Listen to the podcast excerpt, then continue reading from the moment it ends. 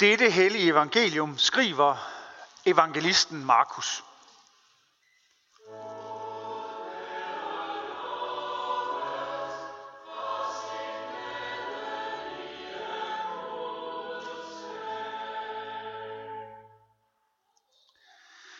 Da Jesus og Peter og Jakob og Johannes kom ned til de andre disciple, så de en stor skare omkring dem og nogle skriftkloge, som diskuterede med dem. Hele skaren blev grebet af ærefrygt, straks de fik øje på Jesus og løb hen for at hilse på ham. Han spurgte dem, hvad er det, I diskuterer med dem? Og en fra skaren svarede ham, Mester, jeg har bragt min søn til dig. Han er besat af en ånd, som gør ham stum. Hvor som helst den overvælder ham, kaster den ham til jorden, og han froder og skærer tænder og bliver helt stiv. Jeg sagde til dine disciple, at de skulle drive den ud, men det kunne de ikke. Der udbrød Jesus, du vantro slægt, hvor længe skal jeg være hos jer, hvor længe skal jeg holde jer ud? Kom herhen med ham. Så bragte de ham hen til Jesus, men da ånden så ham, rev og sled den straks i drengen, så han faldt om på jorden og lå og frode og vred sig. Jesus spurgte hans far, hvor længe har han haft det sådan? Faren svarede, fra han var barn. Og den har mange gange kastet ham både i ild og i vand, for at gøre det af med ham. Men hvis du kan gøre noget, så forbarm dig over os og hjælp os. Jesus sagde til ham, hvis du kan, alt er muligt for den, der tror. Straks råbte drengens far, jeg tror, hjælp min vantro. Da Jesus så, at en skare stemlede sammen, truede han af den urene ånd og sagde til den, Du stumme og døve ånd, jeg befaler dig, far ud af ham og for aldrig mere ind i ham. Da skreg den og rev og sled i ham og for ud, og han blev som død, så alle sagde, han er død. Men Jesus tog hans hånd og fik ham til at rejse sig op. Da Jesus var kommet inden døre og var alene med sine disciple, spurgte de ham, hvorfor kunne vi ikke drive den ud? Han svarede dem, den slags kan kun drives ud ved bøn. Amen.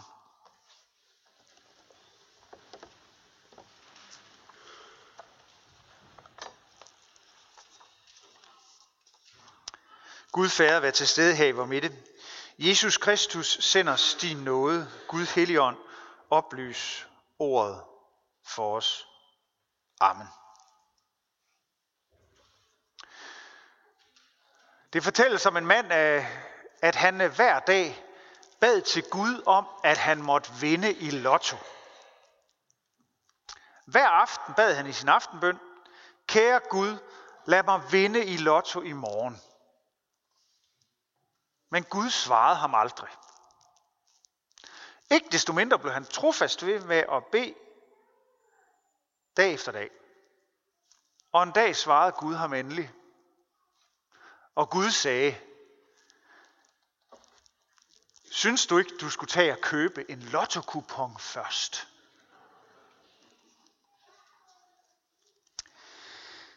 Dagens tekst handler om bønhørelse om menneskers afmagt og om, hvad mennesker trods alt kan. Om Guds kraft, om bøndens magt og hvad vi måske kan kalde for bøndens afmagt. Vi hører, at Peter og Jakob og Johannes var sammen med Jesus oppe på bjerget. Indledningen på teksten hedder, da de kom ned til de andre. Deroppe på bjerget, det er fortællingen om, at de er på det, man kalder forklarelsens bjerg. Der, hvor alt var fantastisk. Peter, og Jakob, Johannes og Jesus, har, de har set Jesus i et forklaret skær. Stå og tale med repræsentanter for loven og profeterne, selveste Moses og Elias, profeten Elias. Men drømmesynet, det er forsvundet, og de er gået ned af bjerget, ned til den vanskelige, beskidte virkelige virkelighed. De andre disciple, dem der ikke var med på bjerget, de er så i mellemtiden i diskussion med nogle skriftkloge. De skriftkloge, kan vi forestille os ud fra fortællingen, er skeptiske over for Jesu disciple. Vi ved i hvert fald, at de skriftkloge generelt var utrolig skeptiske over for Jesus. Og de er nu skeptiske og diskuterer med Jesu disciple, der ikke kunne helbrede en dreng, der er besat af en døv og stum ånd. Drengens ulykkelige far, han har slæbt sin dreng med hen til Jesus, og i mangel af bedre har han henvendt sig til Jesu disciple, men de kan ikke gøre noget. Og så benytter, virker det til, de skriftkloge anledningen til at anklage disciplene for fake news. Ham Jesus kan jo ikke noget alligevel, og det kan I heller ikke. I sælger falske forhåbninger og kan ikke noget. Lad nu også skriftkloge om at forkynde ordet og få Jesus til at holde mund og holde selv mund. Eller hvordan den diskussion nu har været. Men så kommer Jesus og bliver mødt altså både af farens fortvivlelse og hans opgivenhed, da han forklarer, hvordan det står til. Vi møder han møder disciplenes afmagt og frustration over det, de ikke kunne, og mødes af de skriftkloges anklager og dybe skepsis, og en helt forsamlings nysgerrighed og opmærksomhed. Hvad sker der nu? Og Jesus udbryder du vantro slægt, hvor længe skal jeg være hos jer, hvor længe skal jeg holde jer ud? Men nok så væsentlig en pointe i dagens evangelium er, at Jesus bliver. Han går ikke væk i vrede. Han bliver og konfronterer både fortvivlelsen, afmagten og anklagerne. Og så kommer folk med drengen hen til Jesus og det, at de gør det, da Jesus siger, kom hen med ham, det er trods alt en handling med et form for håb. Så taler Jesus med faren, selvfølgelig, ikke med disciplene, og ikke med folkeskaren, og ikke med de skriftkloge specifikt, med faren, selvfølgelig. I den sammenhæng er alle de andre jo, de disciplene og de skriftkloge og folkeskaren, de er jo bifigurer. For det er det faren og hans dreng, det handler om. Faren fortæller hjerteskærende om sin søn, der har haft denne lidelse fra han var barn. Og han er helt ude af sig selv, denne dreng. Vi hører, at han bliver både kastet i ild og i vand. Altså man må forestille sig, at han både har været blevet forbrændt, at han har været ved at drukne, med andre ord en hårdt prøvet familie. For der findes næsten ikke noget værre end det at opleve, at sit barn, at ens barn har det svært. Det er noget af det mest frygtelige for et menneske, for en forælder. Gennem fortvivlelsen og håbløsheden, der både handler drengens far, dog han er dog kommet med drengen, og han siger også, på trods af disciplenes fiasko, så siger han til Jesus, hvis du kan noget, så forbarm dig over os. Han siger, hvis du kan noget. Det er ikke en klippefast overbevisning og tro. Det er et spinkelt håb, et råb om hjælp. Så svarer Jesus ham, hvis du kan, alt er muligt for den, der tror. Men men jeg kan jo ikke. Det er jo hele pointen. Din disciple kunne heller ikke. De skriftkloge kan heller ikke. Og nu siger du så noget her til mig. Sådan kunne faren have svaret Jesus. Men han råber i stedet for de markante og berømte ord. Jeg tror, hjælp min vantro. Farens tro her, den er ikke klippefast. Den er ikke stærk. Den er spinkel. Men den er drevet af et desperat håb. Der skal være håb. Ellers er det ikke til at holde ud. For Jesus er den spinkle tro. Det spinkle håb, og det, den vantro tro. Det råb om hjælp. Det er det, han handler på. Da han taler kraftfuldt og befaler den stumme og døve ånd at forlade drengen. Den vil gøre det af med ham. Drengen skriger og fægter med arme og ben og bliver så helt stille. Og folk tror, at drengen er død. Men Jesus tager hans hånd og får ham til at rejse sig op. Han er blevet sig selv igen. Han er helbredt. Og han og hans far kan gå hjem til deres familie helt forandret, befriet. Ja, de må have været livsens lykkelige.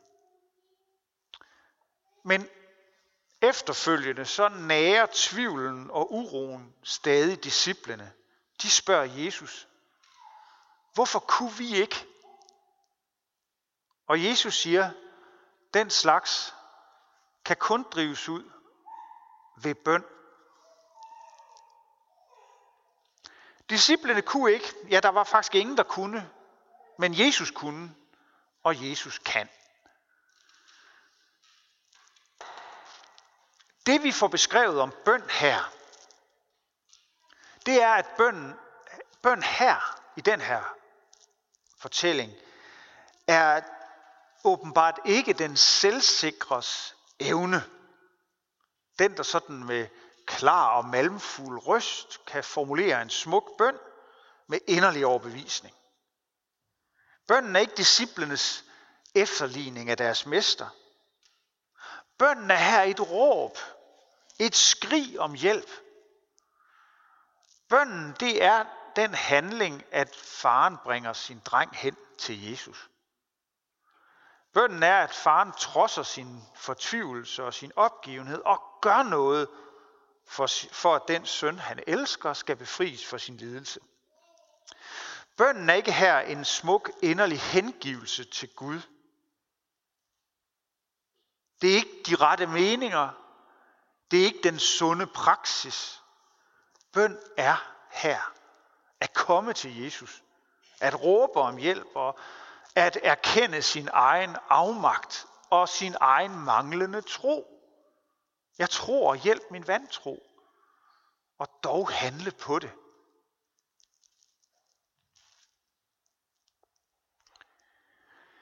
I sidste uge, altså ikke i onsdags, men sidste onsdag igen, der havde vi her i kirken en forbønsgudstjeneste øh, for Ukraine. Og det var en øh, alvorlig og også, ja det blev, tror jeg, i virkeligheden også en smuk gudstjeneste. Der blev tændt lys, der blev sunget salmer, drengekoret sang. Jeg havde gjort en del for at finde nogle bønder, som øh, satte ord på fortvivlelsen og afmagten osv. Men det, der alligevel gjorde den aften til, til noget endnu mere, der har sat sig, det var egentlig noget, som slet ikke var så hverken velformuleret eller veltilrettelagt, som egentlig nok den gudstjeneste, som det gør man jo, når man vil holde en gudstjeneste, så gør man jo øh, noget for, at det skal være ordentligt, og det skal være så godt som muligt, og det skal give mening. Men der var en ukrainsk kvinde, som havde spurgt, om hun måtte få ordet. Og det sagde, det måtte hun gerne. Og så talte hun i mindst 10 minutter, hvor hun med grådkvalt stemme fortalte om den fortvivlelse og den uro og den frygt, der prægede hende og hendes familie og ja, prægede Ukraine. Og på den måde så fik vi åbnet en sprække ind til, hvordan det egentlig er. Så midt i det, som også var en øh, stemningsfuld og smuk tilkendegivelse af afmagt og solidaritet og bøn til Gud, så mødte vi her også et nødskrig. Lidt på samme måde som i fortællingen her, hvor faren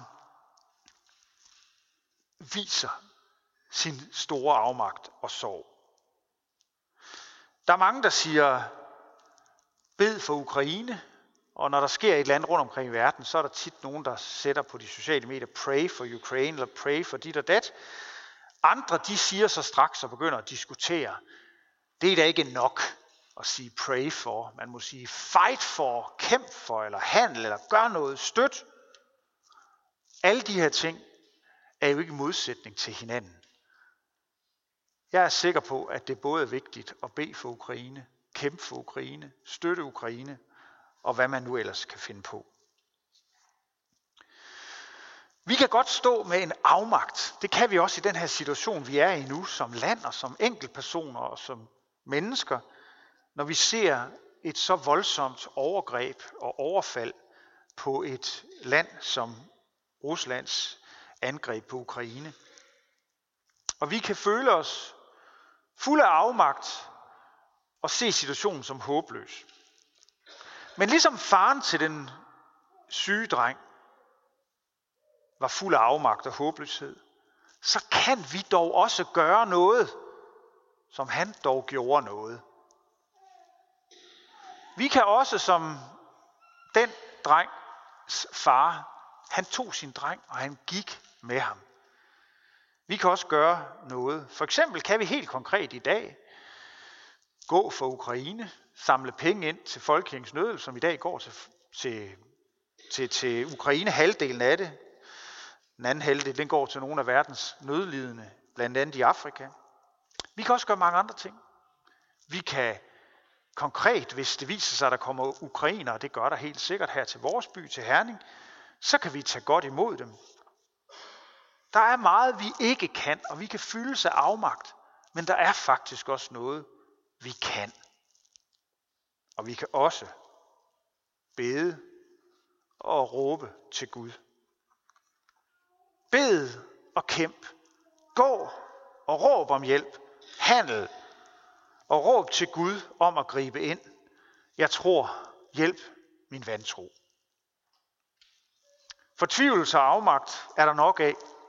Der er også mange diskussioner i kølvandet på krigen i Ukraine. Men ligesom det væsentlige for Jesus var at tale med faren, frem for at tale med de skriftkloge eller disciplene, så er det væsentligt for os også at gøre noget for at hjælpe offrene, frem for at diskutere og kritisere hinanden. Hvordan skal vi kunne uddrive den onde ånd, som har grebet vores verden? Som om klimakrise og pandemi ikke var nok, så skal vi nu her i Europa leve i en krigstid og oven i købet med atomtrusler. Hvorfor kan vi intet stille op? Vi må komme med vores afmagt, vi må komme med vores håbløshed, vores opgivenhed, ligesom faren kom til Jesus og sige, hvis du kan gøre noget, så forbarm dig over os. Miserere nobis domine, Kyrie eleison. Ja, det er bare græsk og latin for det samme. Det er der skrevet utallige sange om. Forbarm dig over os. Vi sang det selv her i begyndelsen af gudstjenesten under litaniet, som vi bruger her i fastetiden. Forbarm dig over os. Det må vi sige og synge til Gud. Vi må tro, trods vores vantro, at Gud vil gribe ind. Og at Gud er hos os. Og at Gud er hos alle lidende og sørgende i denne verden. I Ukraine og i Rusland. Hos soldater og civile på begge sider. Vi må stole på, at Guds ånd både kan og vil omvende menneskehjerter til at gøre det gode, og at Gud vil uddrive falskhedens, magtfuldkommenhedens og ondskabens ånd. Må det ske her hos os? Må det ske i Ukraine, i Rusland, ja hvor som helst på vores klode. Amen. Lov og tak og evig ære være dig, hvor Gud, Fader, Søn og Helligånd, du som var, er og bliver en sand træen i Gud, højlovet for første begyndelse, nu og i al evighed. Amen. Hellige Gud og himmelske Far, vi lover at tilbede dig, som i godhed har skænket os livet og alle dets gaver. Vi takker dig for den jord, som du har skabt. Lær os at tage vare på den, så vi ikke ødelægger den. Vi Vi takker dig for de medmennesker, som du har givet os at dele livet med. Lær os at se på hinanden som brødre og søstre. Vi takker dig for Jesus Kristus, som blev vor bror, som levede, led, døde og opstod for os. For Helligånden, som er midt i blandt os. For genfødelsen i dåben, for evangeliets lys og for dit nærvær og din velsignelse i nadvånd. Vi beder dig for Alberte, som er blevet døbt i dag. Vær du nær ved hende, og vær, vær du nær ved hendes familie. Vi beder dig for din kirke ud over hele jorden og her hos os i Herningssorg. Tag ikke nådens og sandhedens ord fra os. Bevar os alle i tro og indbyrdes kærlighed. Lad håbet om, at du kommer igen leve i blandt os. Giv os trofaste ledere og forkynder af dit ord, og forbarm dig over alle, der far vild, over dem, der lider for dit navns skyld, og lad dit evangelium komme ud til alle folkeslag. Vi beder dig for vores hjem og vores kære, for vores daglige liv med hinanden i arbejde og fritid. Og vi beder dig om fred mellem nationerne og for folkenes regeringer. Skab du fred og forsoning mellem ukrainer og russere. Det beder vi dig om. Og vi beder om, at du må skabe også fred og forsoning mellem Israel og palæstinenser. Vi beder om fred i Syrien, i Afghanistan, ja hvor som helst på hvor klode mennesker lever vendt mod hinanden. Vi beder også for Danmark, bevar os som et folk blandt folkene, og vi beder for alle, al lovlig øvrighed. Ja, både også dem, der har ansvar i vores samfund, men også alle de regeringer, som er rundt omkring. Giv dem troskab og visdom til at forvalte den magt og viden, de har fået givet til værn for svage og til gavn for andre. Vær nær hos alle fattige, alle forpinte og bedrøvede, Vær nær hos dem, der er fængslet, de, der er flygtet fra deres hjemland, ikke mindst de mange millioner, som er flygtet fra Ukraine, men vi beder for alle, der er flygtet på grund af krig og elendighed. Vi beder for forladte og ensomme, dem, der mangler det nødvendigste til livets ophold, for mennesker, der er syge, dem, der skal dø. Vi beder for dem, der har mistet. Forbarm dig over os, giv os ikke løn som forskyldt, men fri os fra det onde og lad os på den yderste dag få lov at opstå med Kristus og evigt takke dig ved din elskede søn, Jesus Kristus. Amen.